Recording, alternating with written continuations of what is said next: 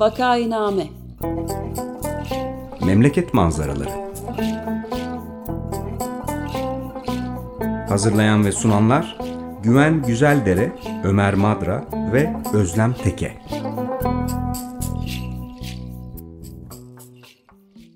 Günaydın, Vakainame'ye hoş geldiniz. 95 FM Açık Radyo'dayız. Vakainame programını Ömer Madra, Özlem Teke ve ben Güven Güzeldere birlikte yapıyoruz. Bugün konuğumuz gazeteci Çiğdem Toker. Hoş geldiniz Çiğdem Hanım. Hoş bulduk. Merhabalar Güven Bey. Merhaba Çiğdem, hoş geldin. Merhaba Ömer Bey, hoş bulduk. Merhabalar. Konuğumuz Merhaba, Çiğdem merhaba. Toker. Ankara Üniversitesi Hukuk Fakültesini bitirdi. Gazeteciliği üniversite öğrencisiyken Anka Ajansı'nda başladı. Uzun yıllar ekonomi muhabirliği alanında önemli çalışmalar yürüttü. Habertürk, Akşam, Cumhuriyet ve Sözcü gazetelerinde yöneticilik ve yazarlık çalışmalarıyla yer aldı. Makalelerinin yanı sıra yayınlanmış kitapları ve ödülleri bulunmaktadır. Eleştirel finans haberciliği yazıları nedeniyle yargılanmıştır. Kendisi halen Fox TV kanalında yayınlanan Orta Sayfa adlı haber programında yorumcu olarak yer alıyor ve T24 Haber sitesinde yazıyor. Hoş geldiniz. Hoş bulduk, merhabalar. Merhaba, bugün çok üzücü bir konudan e, konuşmak durumundayız. Deprem hepimizi derinden yaraladı. Deprem dışında başka bir şeyden konuşmak da zaten çok güç insanın içinden de gelmiyor. Biz e, 17 Ağustos haftasına denk gelecek programlarda Vakainame'de hep deprem üzerine bir program yaptık ve genellikle de aslında afet yönetiminden konuşmuştuk. Yani işin jeoloji ya da sismografi tarafından ziyade. Bugün de biraz o tarafına bakalım istiyoruz. Fakat afet yönetiminden ziyade belki afet yönetimsizliği e, dememiz gerekecek. Çünkü karşımızda böyle çok can yakıcı bir örnek de var. E, Çiğdem Hanım sizin iki gün önce yazdığınız T24 Haber sitesindeki yazınızın başlığı milletiniz müsterih değil Sayın Bakan'dı. Biraz oradan da hareketle konuşalım e, istiyoruz. Çevre Şehircilik ve İklim Değişikliği Bakanı Murat Kurum'a hitaben bir şeyler söylüyorsunuz. Olan biteni de yakından takip eden e, bir gazetecisiniz. Nasıl başlayalım? Yani e, şu bana açık gözüküyor. Depreme daha hazırlıklı olan ülkelerden birisi olsaydık e, bu kadar can kaybı olmazdı. Bizim de bu kadar canımız yanmazdı. Yani depremin olmasına karşı belki bir şey elimizden gelmiyor ama deprem vurduğu zaman e, kaybımızın ne olacağı biraz da bizim aslında ne kadar hazırlıklı olduğumuzla belirleniyor gibi galiba sanki. E, bu konulardan e, biraz bahsedebilir miyiz? Tamamen öyle, dediğiniz doğru. Zaten bu da bizim bildiğimiz bir şey. Deprem ülkesinde yaşayan vatandaşlar ve bunu çok ağır tecrübe etmiş kişiler olarak. Fakat ben deprem bölgesine gidemedim koşullarım gereği. Gidemediğim için de bir gazeteci olarak üzüntü duyuyorum. Önce e, bununla başlayayım. Fakat oraya giden meslektaşlarım e, gördükleri manzaraların, tanık oldukları e, durumların televizyon ekranlarına e, yansıyan ve anlatılanlarla dan çok daha ağır ve tarif edilemeyecek kadar dehşet verici boyutlarda olduğunu söylüyorlar. Yani e, anladığım kadarıyla cümlesi kurulamayacak, yayılamayacak, aktarılamayacak şeylerden söz ediyorlar. Yani neler olduğunu az çok kestirebiliriz.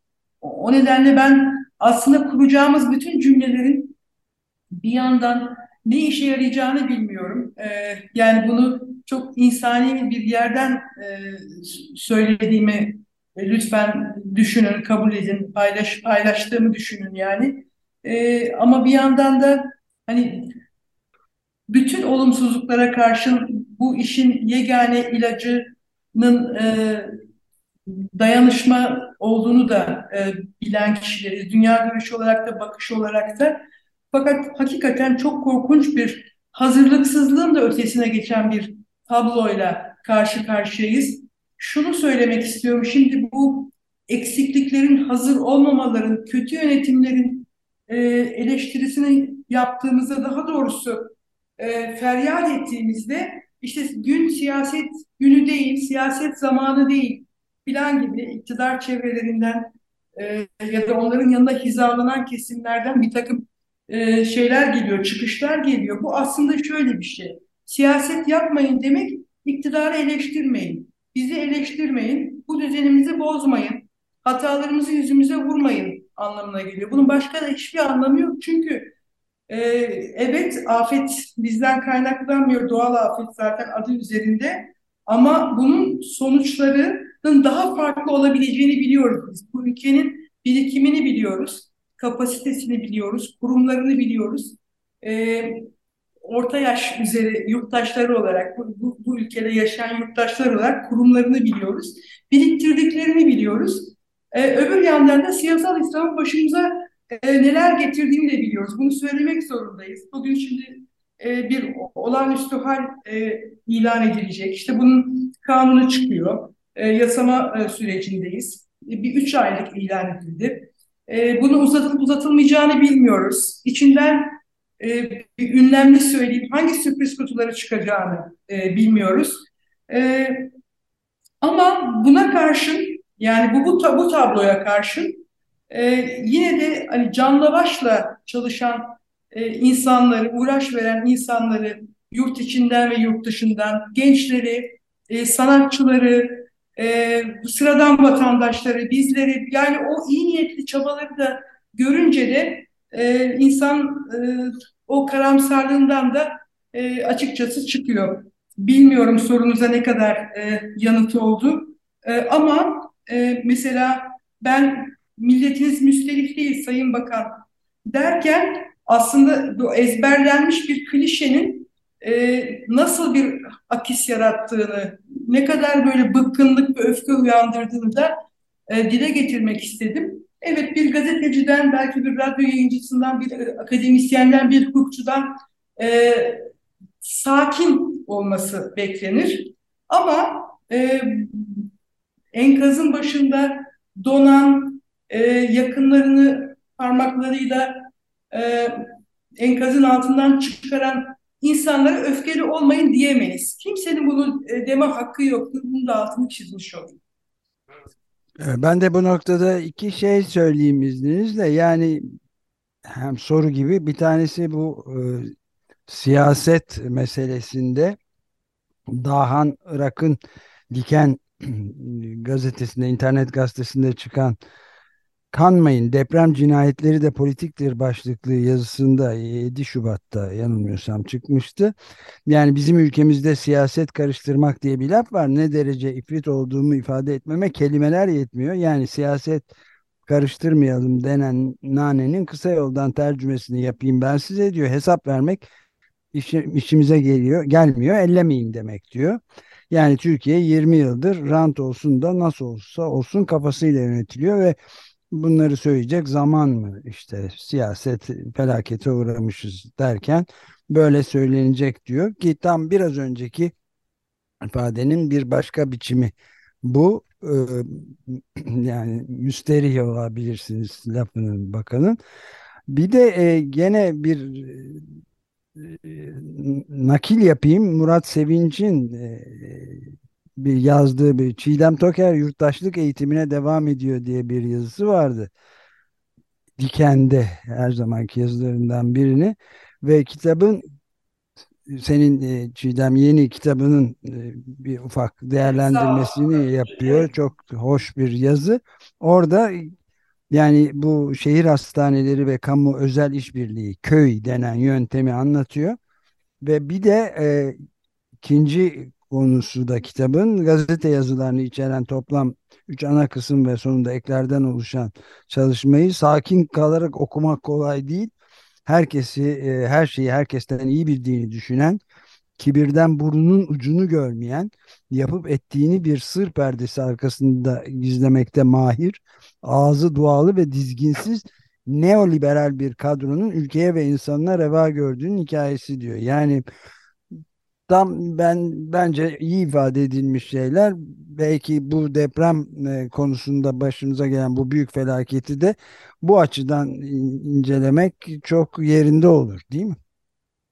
Yani evet, eğer şehir hastaneleri özelinde söylüyorsak, ya orada çok ilginç bir şey var. Mesela bu konusu açılmışken söyleyeyim. Şimdi şehir şehir hastanelerinden bir tanesi bile yıkılmaz ve yıkılma tehlikesi yoktur. İskenderun Devlet Hastanesi yıkıldı. Antakya'da ya da işte diğer şehirlerde hastaneler e, yıkıldı, e, harap oldu. Onun haberlerini gördük. Şimdi bu çok övdükleri şehir hastanelerinin yıkılma imkanı yok. Neden biliyor musunuz? Çünkü onlarda deprem izolatörü var. Şimdi iyi ya işte iktidar bunu yapmış filan e, denecek olur. Onu da ben söyleyeyim niye öyle olduğunu. Çünkü e, o şehir hastaneleri krediyle yaptırılıyor. E, uluslararası bankerlerin ve finans kurumlarının kredileriyle yaptırılıyor. Ve e, onların geri dönüşleriyle ilgili, o kredilerin geri dönüşleri e, ve o kredilerin verilme koşulları, o finansmanın sağlanma koşulları e, o hastanenin kriterleriyle, teknolojisiyle çok yakından ilişkili. Yani o deprem izolatörünün de yer aldığı bir sürü o teknolojik akıllı binalar olsun diye o büyük paralar veriliyor. İşte biz de onları 25 yılda ödüyoruz. Yani o kitaptan yola çıkayım da şimdi bizim aslında Türkiye'nin, e, Türkiye Cumhuriyeti'nin gücü ve kapasitesi o yollara hiç tevessül etmeden, gitmeden kendi hastanesinin kendi öz kaynaklarıyla yıkım. Ya bir hastane yıkılır mı ya? Yani bir havalimanı kullanılamaz hale gelir mi? Bu nasıl mümkün olabilir? Kullanılamaz hale geliyorsa sizin bunu nasıl olur da birkaç gün içinde yeniden e, o hani madem işte beton teknolojisi çok yüksek, inşaat teknolojisi çok yüksek, onu senin birkaç gün içinde aslında hemen onarıp hizmete açabiliyor olmanız lazım bu çağda. Bunu bunu yapamıyorsunuz. Yani e, hastaneye şifa almak için insanlar gidiyor orada yoğun bakımda üzerlerine duvar devriliyor ve yaşamlarını yitiriyorlar. Bu tamamen kamu kaynaklarının nereye nasıl e, harcandığına ilişkin bir tercihler demek. Yani e, kullanılan tercihlerle ilgili bir şey. İşte hepimiz o tercihlerin bedelini ödüyoruz.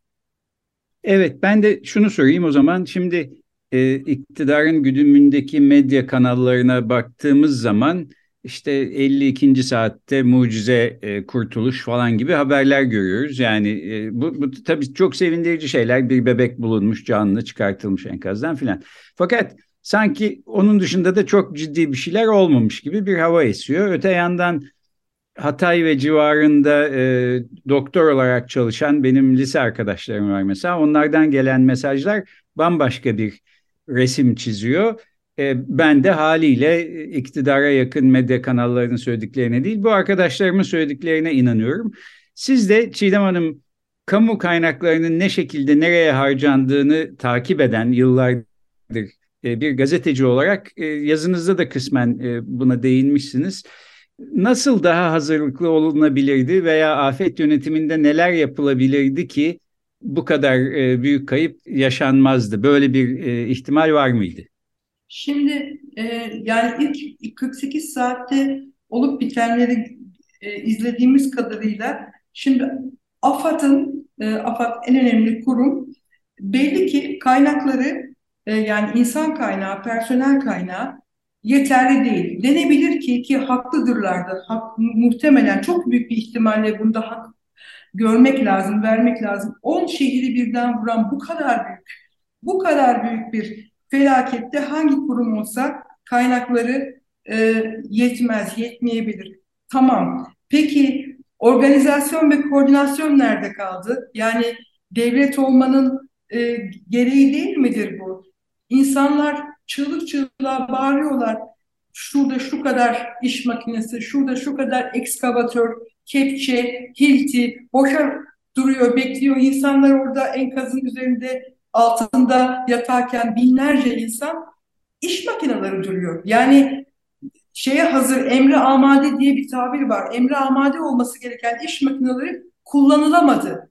Şimdi işte devlet olmak aslında tam da bu koordinasyon ve bu kullanmayı sağlama halidir biraz da. Şimdi bütün şeylerin, kaynakların AFAD'da toplanması ve koordinasyonun AFAD'da yapılması gibi bir şey söylendi.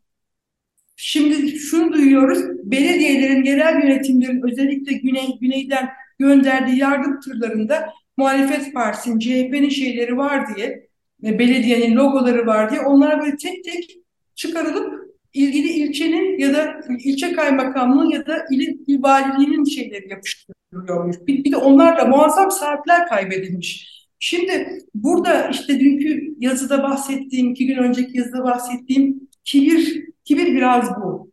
Bunu bunu kastediyorum. Biraz daha e, bizim farklı bir devlet anlayışına, bir yönetim anlayışına ihtiyacımız var.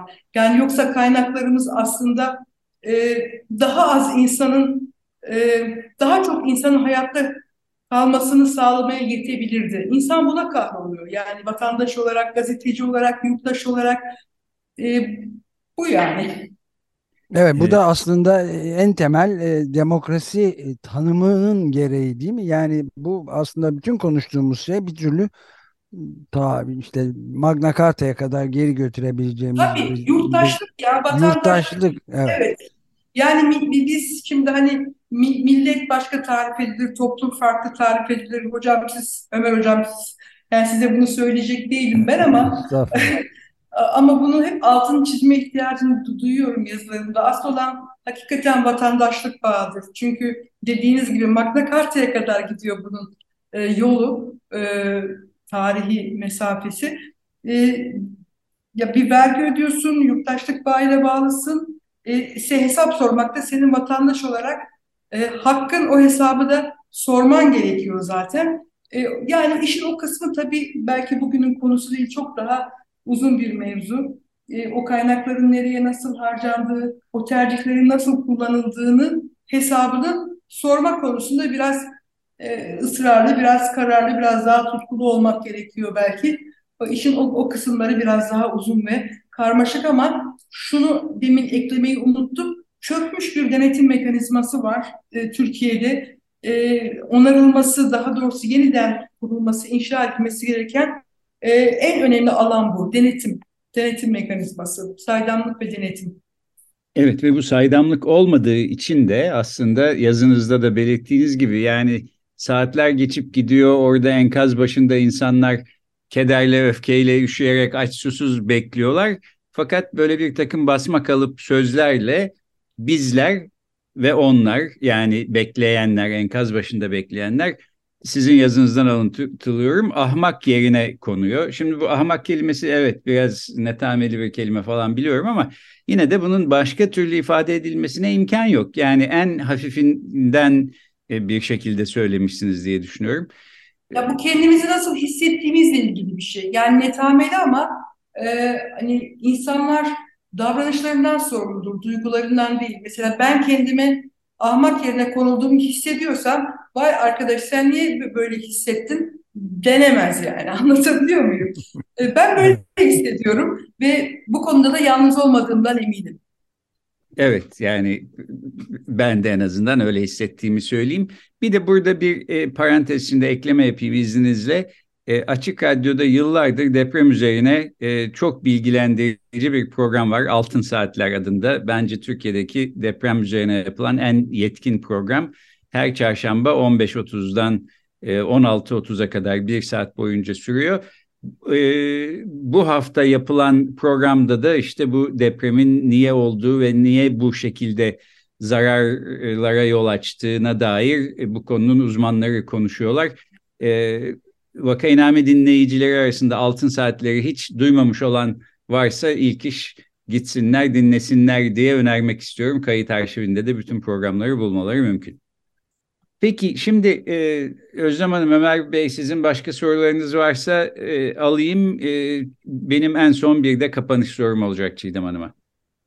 Ben belki Özlem Çiğdem Hanım'ın bıraktığı noktadan bir şey açmak isteyebilirim. Çünkü yani sadece depremin büyüklüğünden dolayı bir e, savunmaya girişemezler. Çünkü yani bütün sivil toplumu baskılayıp ezdikten sonra ya toplumun tüm örgütlü yapılarına karşı e, bu iktidarın tavrı ortadayken e, bence bu savunma hiç de yerinde olmayacaktır. E, yani e, toplum, sivil toplum böyle dönemlerde çünkü e, devletten çok daha hızlı refleks gösterebilir e, ve bu tarz felaketlerde büyük bir emek koyabiliyorlar. Biz bunu 99 depreminde de gördük ama 99'la şu anki dönem arasında bile bu açıdan çok büyük bir fark olduğunu görüyoruz. Bence bu da çok önemli, e, altını çizmemiz gereken bir şey. Ya toplumun örgütlülüğüne büyük bir kasıt var çünkü. Doğru, toplumun örgütlülüğüne e, aslında bu, bu bugünün konusu da değil. Yani 2015 Temmuz 2016'dan sonra ilan edilen o halin ardından gel, gelen uygulamalarla da e, ağırlaştı bu ama işte ta 80'lere uzanan bir e, uzun bir geçmişi var örgütlülüğe vurulan darbenin. Onları hatırlamaya bizim e, yaşımız yetiyor, maalesef yetiyor. E, ama e, benim görebildiğim kadarıyla pek çok farklı kaynaktan izlemeye çalışıyorum. E, bütün bu baskılara e, ve sivil toplumu e, çökertilmiş olmasına karşın gerçekten ülkenin dört bir yanından hiç umulmadık yerlerden farklı kaynaklardan o kadar çok şey akıyor ki özverili çabalar, e, gönüllüler ben benim hakikaten gözlerim yaşanıyor. Yani e, bu bu içten gelen bir dalga insanların böyle çok kalbinden ve doğasından gelen bir şey de durdurulamıyor. Bir, bir yandan da onu görüyoruz. Bu bence e, şeyin iyi bir tarafı. E, bu tablonun iyi bir tarafı. Başta da söylediğim gibi. Evet, buradaki dayanışma faktörü e, son derece önemli ve gittikçe de önem kazanıyor bence de. Evet. Ben de buna katılıyorum. Aslında şimdi sizin yine yazınızdan bir e, alıntılamayla bitireyim. E, Çevre Şehircilik ve İklim Değişikliği Bakanı demiş ki Sayın Cumhurbaşkanımız devletimiz tüm imkanlarıyla afet bölgesindedir. Hiçbir afet bölgesinde vatandaşımızı aç ve açık bırakmadık. Aziz milletimiz müsterih olsun. Siz de buna e, şimdi bir kere bu doğru değil en başta. Yani ben de bir vatandaş olarak bunun doğru olmadığını, hiçbir afet bölgesinde hiçbir vatandaşın aç ve açık bırakılmadığı doğru değil. Yani doğruya doğru, yanlışa yanlış demek ihtiyacı hissediyorum. Siz de diyorsunuz ki aç, susuz, açıkta kalmış enkaz altındaki yakınları için gözyaşı döken vatandaşlardan biliyorum ki aziz milletiniz müsterih falan değil Sayın Bakan diyorsunuz. Çok doğru ben de değilim. Zaten olmamız gereken durumda bir e, iç rahatlığı, kaygısızlık hali değil, müsterih olmak hali değil. Dikkatli, uyanık e, olma, dayanışma gösterme hali. Onun da e, olduğunu görüyoruz gerçekten diye düşünüyorum ve e, hani burada sizin de dediğiniz gibi bütün bunların olan biten acının içinde bir küçük gün ışığı bir yerden çıkıyorsa, e, yansıyorsa dışarıya bir ışık sızıyorsa işte o da bu herhalde.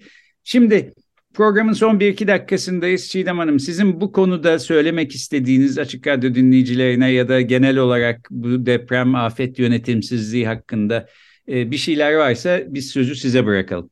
Teşekkür ederim. Ben e, hesap verilebilirlik e, meselesinin çok önemli bir konu olduğunu, önümüzdeki dönemin de e, konusu olacağını düşünüyorum. Şimdi bu önümüzde, şimdi şu, şunu söyleyeyim aslında şuradan başlamak lazım. Bitirirken şuradan başlamak lazım. Bu deprem, e, bu depremden önceki bütün tartışmaları e, şey kıldı, hakim kıldı. Yani biraz hükümsüzleştirdi. E, 4-5 gün önce konuştuğumuz konularla e, bugünkü konular arasında çok büyük bir uçurum var.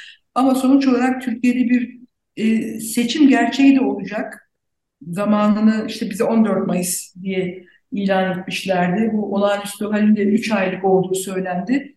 İşte 14 Mayıs mutasavver beklenen seçimin bir hafta öncesine tekabül ediyor. Önümüzdeki günler hakikaten hareketli olacak. Şu ya da bu zamanda seçim ne zaman yapılırsa yapılsın önümüzde çok önemli bir dönem var.